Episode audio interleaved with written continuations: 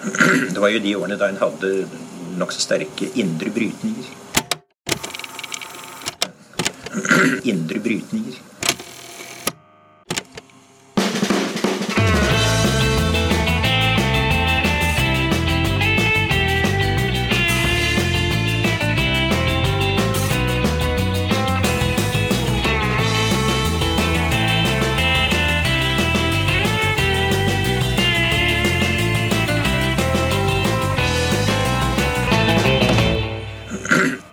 Velkommen til Noen har snakket sammen. Mitt navn er Tiril Rustad Halvorsen. Og jeg heter Aksel Fjellavli. Tenk at det skulle bli september før vi fikk gitt ut en episode etter sommeren. Ja, tenk på det. Folk må jo tro vi har hatt en kjempeferie. Vi har Ja. ikke, ikke Det er vel mer at vi ikke har hatt ferie samtidig, og Arendalsuke og litt sånn Ja. ting som har kommet i veien. Mye greier. Men Mye nå greier. er vi i gang igjen. Nå er vi heldigvis i gang igjen, og det, planen er å fortsette utover høsten. Um, vi kommer til å begynne høstsesongen med at dere skal få hilse på en ny kollega av oss. Trine Streng, velkommen hit. Hei, takk for det. Veldig hyggelig å være her. Du har skrevet et notat om eh, deltid i samarbeid med Handel og Kontor. Eh, Så det er det vi skal snakke om eh, i dag, denne problematikken rundt det å jobbe deltid. Så kanskje du kan si litt først om eh, bakteppet for notatet og omfanget av deltid?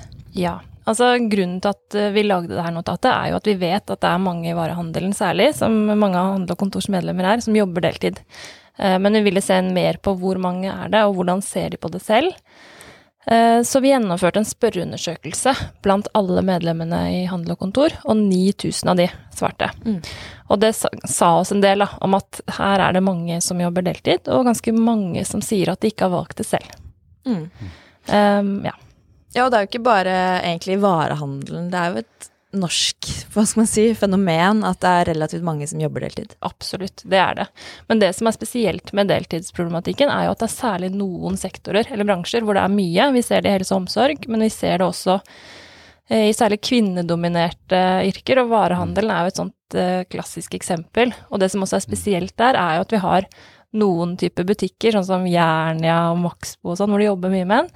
Hvor det, nå har jeg ikke tall på akkurat de bransjene, men den type butikker gjør det ofte bedre med mer heltidskultur Mm. enn typisk kvinnedominerte yrker, sånn som klesbutikker og, og matbutikker og sånn. Mm. Så vi ser at det henger sammen med kjønn. Men, men når mange sier at dette er ikke noe de har valgt selv, hvorfor er det da dette kjønnsskillet? Da er det jo Altså hvis de ikke har valgt det selv, så må det jo være noe annet enn at de har lyst til å prioritere tid med barna, eller andre ting som man gjerne kan tenke på som liksom, eh, kjønnsforskjeller. Ja, jeg tror det er mange årsaker her, og jeg tror det Altså, en av hovedårsakene til mye deltid i Norge er jo at eh, Altså, det kom med at kvinner kom inn i arbeidslivet, og mange ville kombinere det med omsorgsarbeid og sånn, men eh, det er ikke nødvendigvis forklaringen i dag på at vi har det sånn. Og det vi ser, er jo at arbeidsplasser med mye deltid ofte utlyser deltid på ny. Så hvis du har hatt en deltidsstilling, så bare fortsetter du med den når du skal gi en ny, istedenfor å se om ok, er det noen her som har lyst til å øke sin, sin stilling. Eh, Så det setter seg som en sånn struktur, da, som blir en vanetenkning. Jeg har ikke alle svarene på hvorfor det er sånn, men vi ser at det er noen som klarer å gjøre noe med det, og at det krever da systematisk jobbing og opplæring eh, for å få det til og klare å tilby heltidsstillinger. Mm. Ja, fordi du skriver en del om eh, å lage en heltidskultur, Ja. som sikkert er å komme ut av disse mønstrene om at en deltid skal erstatte en deltidsansats, på en måte. Mm. Kan du si litt om hva som ligger bak det begrepet der? Ja, det er jo et ord som kanskje ikke er så åpenbart. Det er litt eh, stammespråk kanskje for fagbevegelsen, men jeg synes det er et godt ord, fordi det, det flytter noe av ansvaret for problemet fra arbeidstaker til arbeidsgiver. Som vi ser at arbeidsgiveren har mye av nøkkelen for å løse det her. Um, og vi ser at det her handler veldig mye om, i hvert fall i varehandel, da, som jeg har sett mm, på i forbindelse med det her notatet, hvordan man utlyser stillinger, hvor man organiserer vakter og sånn, har mye å si for om du har mye deltid eller ikke. Så det å snakke om frivillig og ufrivillig deltid, det kan ofte være litt sånn forvirrende, fordi hva er egentlig frivillig deltid? Hvis du jobber deltid fordi åpningstidene er vanskelig å kombinere med omsorgsoppgavene hjemme, eller at du får så lite pause på jobb at du ikke klarer å jobbe fullt, Um, mange av disse yrkene er også fysisk krevende, og vi ser det henger sammen med helse. Så det skillet mellom frivillig og ufrivillig um, gjør det litt uklart hvor problemet ligger. Men det vi ser, er at der man jobber systematisk for å få opp heltidsandelen, så lykkes man, og det handler om hvordan man organiserer seg. Men kanskje struktur er et bedre ord enn kultur? Heltidsstruktur? Mm. Jeg vet ikke. Ja. Ja, for det er jo noe med at hva jeg skal si, Uavhengig av om du har valgt det sjøl eller ikke, så taper du jo lønn og pensjon og masse sånn helt sånn objektive ting, da. Men det, det er jo litt paternalistisk å si, men det kan, kan jo være dårlig for deg, selv om du har lyst til det. Ja, ja og jeg syns jo det er, det er veldig viktig å si at de som jobber deltid, er jo ikke like. Det er jo ikke likt for alle. Og det er en gruppe i vår undersøkelse som har tatt at de vil jobbe deltid, og de verdsetter fleksibilitet, tid til familie og omsorgsoppgaver, og på en måte syns at det er greit. Eh, Men så er det også en, da en betydelig del eh, em, som ikke ønsker det. Og for dem er prisen at de ikke tjener den i fulltidsstilling. Altså de tjener mindre, får mindre pensjon. Eh, og, og det gjør det vanskelig å få boliglån, forsørge seg selv, og det går ikke minst utover likestilling. For vi ser jo at det, det her rammer særlig kvinner. Mm. Jeg kan jo nevne et tall. Altså av de som jobber deltid, så er det 46% som sier de ikke har valgt det selv. Og i den gruppa så er fire av fem kvinner. Mm. Fordi, ikke sant, du nevner Jernia og sånn. Mm. Det er jo ikke eh, Er det noe med Har de kortere åpningstider kontra en Sara-butikk, som gjør at de lettere får turnusene til å gå opp, eller er det ikke sånne ting som kan skylde seg kjennskapet? Nå har jeg ikke studert enkelte kjeder og deres åpningstider og sånn, men eh, ofte så ligger jo disse butikkene samme sted. Jeg kan ikke si noe om den sammenhengen, men vi ser at det er butikker også som har lange åpningstider, som får det til. Og vi ser at det er en systematisk eh, forskjell mellom type butikk og, eh, og, og, man, og Altså om det er typisk mannsdominert eller kvinnedominert eh, del av varehandelen, Mm. og omfang av deltid. Så det er en kjønnsdimensjon her, men, men eh, jeg tenker at her trengs det mer undersøkelser, både på liksom hvordan åpningstider påvirker, og, og andre, andre ting, og hva de som lykkes gjør, da. Mm. Men, du nevner netthandel også, som en ting som påvirker deltidsomfanget. Ja, det er jo en av de tingene som kommer framover, og vi hadde en konserntillitsvalgt som fortalte det hos dem, at nå når deres eh, butikkjede satser mer på, på, på netthandel, så utlyser de mye mer i små stillinger fordi det er så hardt. Det er så fysisk krevende For vi må jobbe på lager, rett og slett. Ja, og løfte ting og sånn. Sånn at vi er helt avhengig av at eh, det her skjer på en måte som tar vare på arbeidstakerne, og gjør det mulig å, å gjøre den jobben i det som er en full stilling, da, for at arbeidstakerne skal kunne leve av jobben sin. Begrepet, enten om det nå er heltidskultur eller heltidsstruktur, eller hva man kaller det, men det, det er jo litt sånn til arbeidsgiverne, litt sånn Skjerp dere, Mm. tenk på dette. Eh, pass på at eh, når man lyser ut nye stillinger, så er det heltidsstillinger osv. Men hva, hva er liksom politiske grep som vil ha hjulpet her, eh, utover at den enkelte arbeidsgiver må, må eh, skjerpe seg litt? Mm. Ja, altså en viktig grunn til at jeg mener det er viktig at arbeidsgiver tar et større ansvar, er at vi allerede har ganske mye bra lover for deltidsansatte. Ikke sant? Du har fortrinnsrett på nye stillinger, du har mulighet til å få økt stillingsgraden din tilsvarende det du har jobba ekstra det siste året. Så det er en del sånne ting som er bra, som er på plass allerede. Men en viktig ting som skjer nå, som jeg tror vil hjelpe politisk, er at det er et lovforslag som skal behandles i Stortinget nå i høst, som skal eh, si at heltid er normen. Så hvis du skal utlyse en stilling, så skal den i utgangspunktet være heltid, og så skal det begrunnes særskilt hvis den skal være deltid. Um, jeg tror det er et viktig skritt i riktig retning, eh, men sånn som vi har sett før, så finnes det smutthull, så kan det være noen som vil prøve å komme seg utover det. Og det her er jo en tung skute å snu, ikke sant. Det er mange tusen arbeidstakere og mange arbeidsgivere som er vant til å jobbe på en viss måte. Så jeg tror ikke det løser alt. Jeg tror det må følges opp av mer, og, og noe av det som jeg tror vil monne mest, er hvis arbeidsgiverne går sammen og bestemmer seg for å ta det samfunnsansvaret, da. For det er også et samfunnsansvar. Um, på perspektivmeldinga har man jo sett på hvor mye fellesskapet taper i skatteinntekter på at så mange jobber deltid. Det er jo enorm, det er store milliardbeløp. Og hvis, eh, hvis jeg husker riktig, så var det hvis en fjerdedel av de som jobber deltid i dag, fikk økt til full stilling, så ville det vært 30 milliarder i et års i statsbudsjettet, ikke sant. Så det er veldig store penger eh, som vi mister som fellesskap, og folk mister inntekt fordi det ikke legges til rette for å jobbe fullt. Mm. Det er jo litt sånn klassisk koordineringsproblem òg, da. Fordi den enkelte arbeidsgiver tjener kanskje på å ha et lager med fullt av 20 %-stillinger, men eh, på en måte de her samfunnseffektene som også den bedriften tjener på, det kan ikke de bære alene. Absolutt. Så, og det er jo også nå et krav om at eh, selskaper i årsrapportene må rapportere på deltid og ufrivillig deltid annethvert år. Um, og det er jo ganske nytt, og det tenker jeg er bra, for da må alle vise kortene sine. Men det er jo ikke nok. Så jeg ønsker meg nok et større politisk press til arbeidsgiverne for å um, At de skal føle seg enda mer forplikta til å gjøre noe med det. Um, og i forbindelse med det her notatet så snakka jeg òg med noen som jobba Altså Handelkontor hadde et eget prosjekt uh, ti år tilbake sammen med Virke, hvor de sammen uh, prøvde å få opp heltidsandelen i butikkene. Og det var veldig vellykka. De fikk det til. De jobba systematisk med, med partene der uh, for å få opp heltidsandel, og det var vellykka. Men så var jo prosjektmidlene slutt. Uh, og det kom kanskje nye butikksjefer inn, nye tillitsvalgte som ikke hadde vært med på den opplæringa og den bevisstheten.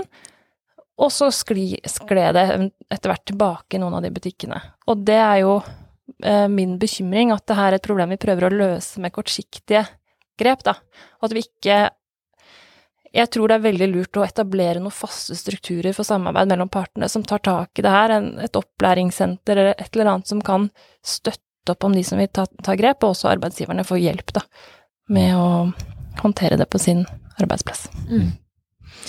Ja, for sett fra en arbeidsgivers ståsted, så kan jeg se for meg at deltid uh, brukes fordi det er uh, en enkel og billig måte å få løst uh, timeplaner, og, og, også at det er billigere ofte enn å ansette noen med lang erfaring og kompetanse i fulltid.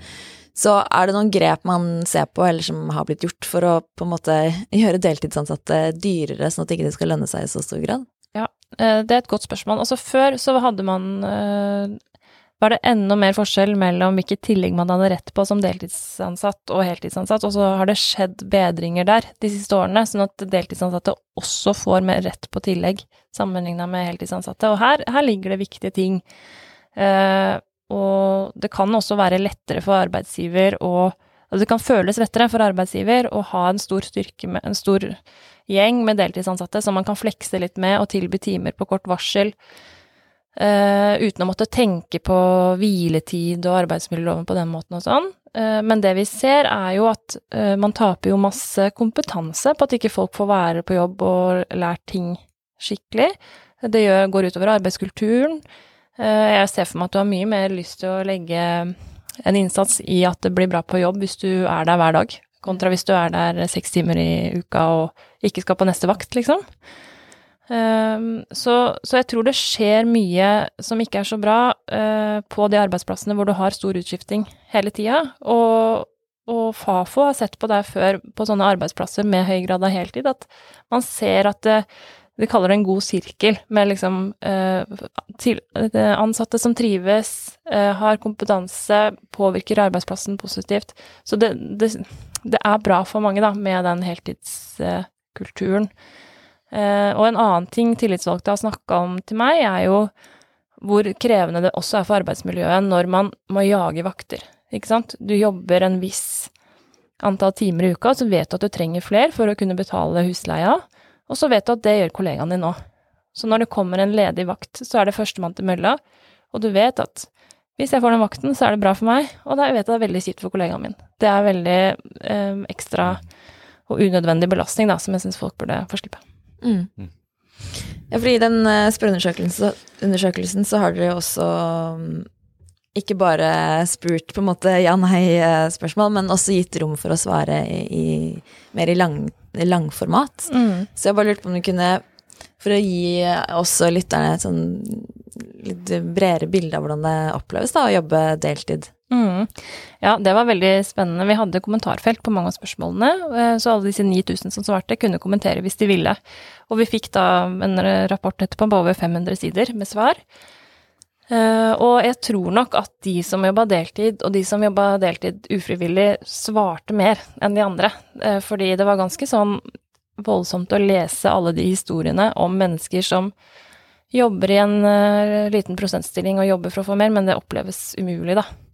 Uh, så det er jo når du leser liksom mange titalls sånne, så, så treff Det slår deg veldig, da, hvor uh, at dette er et ordentlig samfunns, samfunnsproblem. Og så får du også hele bredden, sant. Det var noen der som var studenter og trivdes med det. Noen hadde det som en ønska situasjon og var veldig fornøyd med det.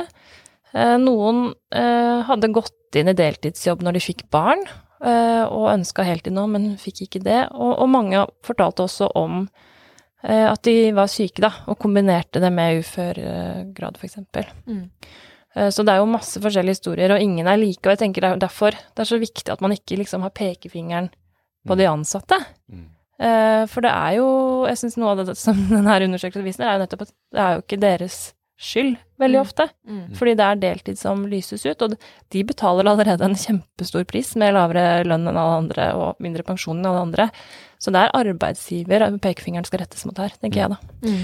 Men, men, vil ikke noen av disse måte, tiltakene også kunne begrense muligheten til deltid for de som har lyst og som har god grunn og helt reelt måtte objektivt sett burde jobbe deltid? Jo, eh, det er et godt spørsmål, sant. Og, og det blir jo vanskeligere med deltid mm. Eh, med den innstrammingen som kommer nå. Mm.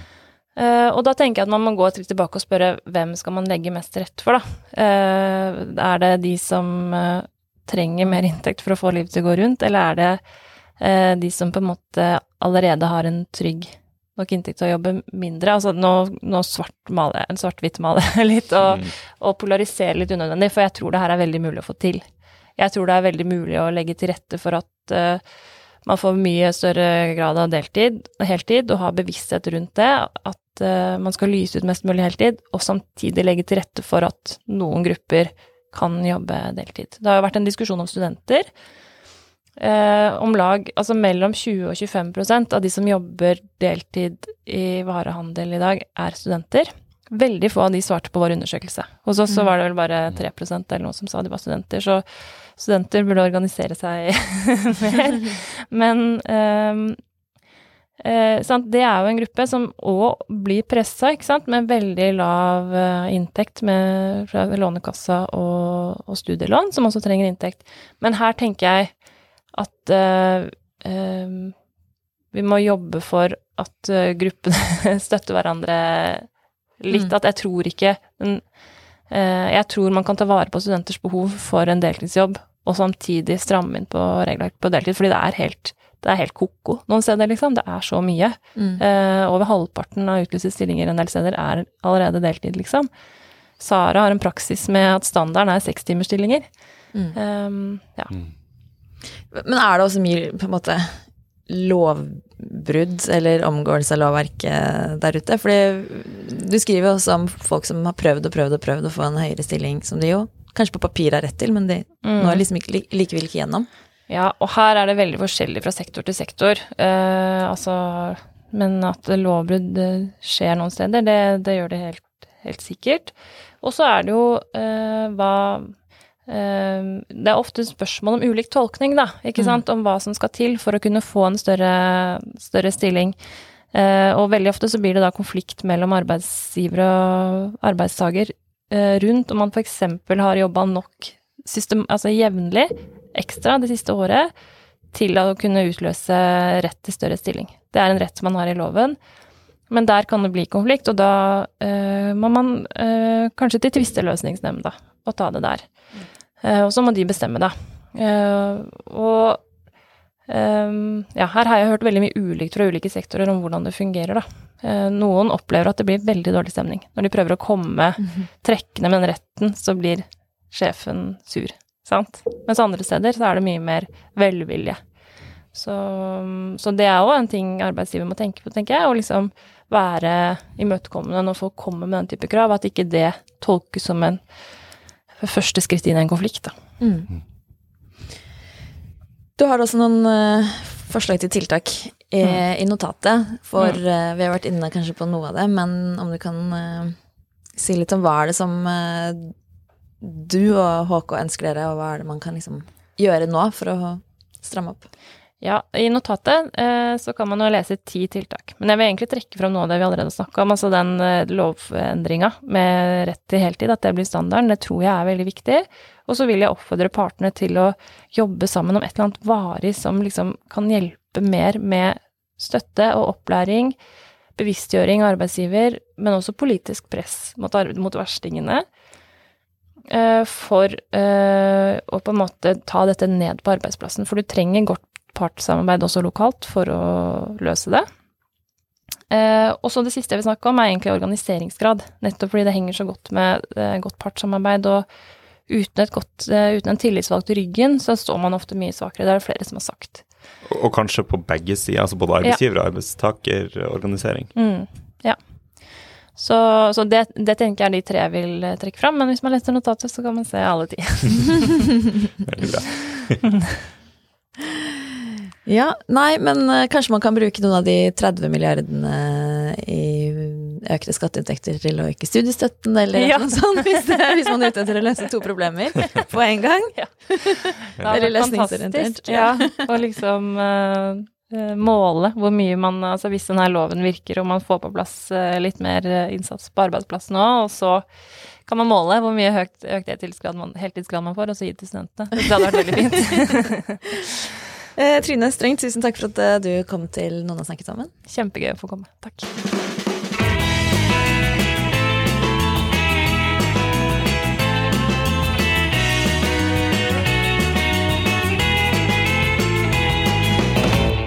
Ja, da var vi i gang igjen, og vi må jo fortsette å anbefale ting, Aksel. Eh, alltid.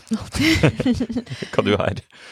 Jeg leste en uh, morsom kommentar i The Guardian i går, fordi det er jo eh, De skal jo velge ny leder av det konservative partiet etter Boris Johnson. Og du sta, står jo da mellom eh, Liz Truss og Rishi Sunak, som da henholdsvis i dag er eh, utenriksminister og finansminister eller noe sånt.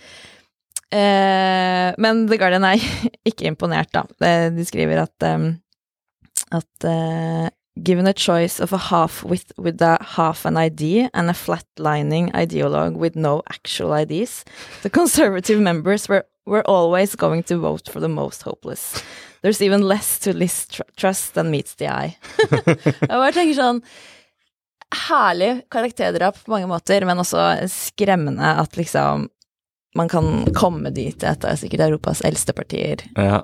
Eh, I at en en så stor og viktig avis kan skrive noe sånn om et partiledervalg. Det er nesten til å gresse litt av. Ja, det har jo vært mye forskjellige partiledere opp igjennom med det partiet, da. Sett fra et venstresideståsted. ja, ja. Men tenk hvis man kommer til et sted hvor liksom Boris Johnson blir satt i et godt lys. Det er ja. jo ja, det skal godt gjøres. Godt. Men det er jo underholdende lesing, så vi kan dele den på ja. siden vår. Veldig bra. Og du?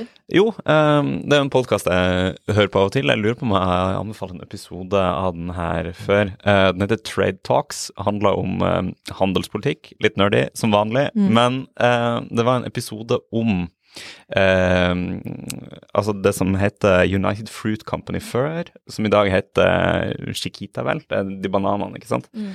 Eh, og de jo, har jo vært eh, berykta for uh, liksom å behandle arbeidstakerne i liksom ja, slavelignende forhold, da, på et nivå der liksom, den økonomiske veksten i landet de har holdt til, har vært ramma i lang tid fordi de har bare utnytta landet.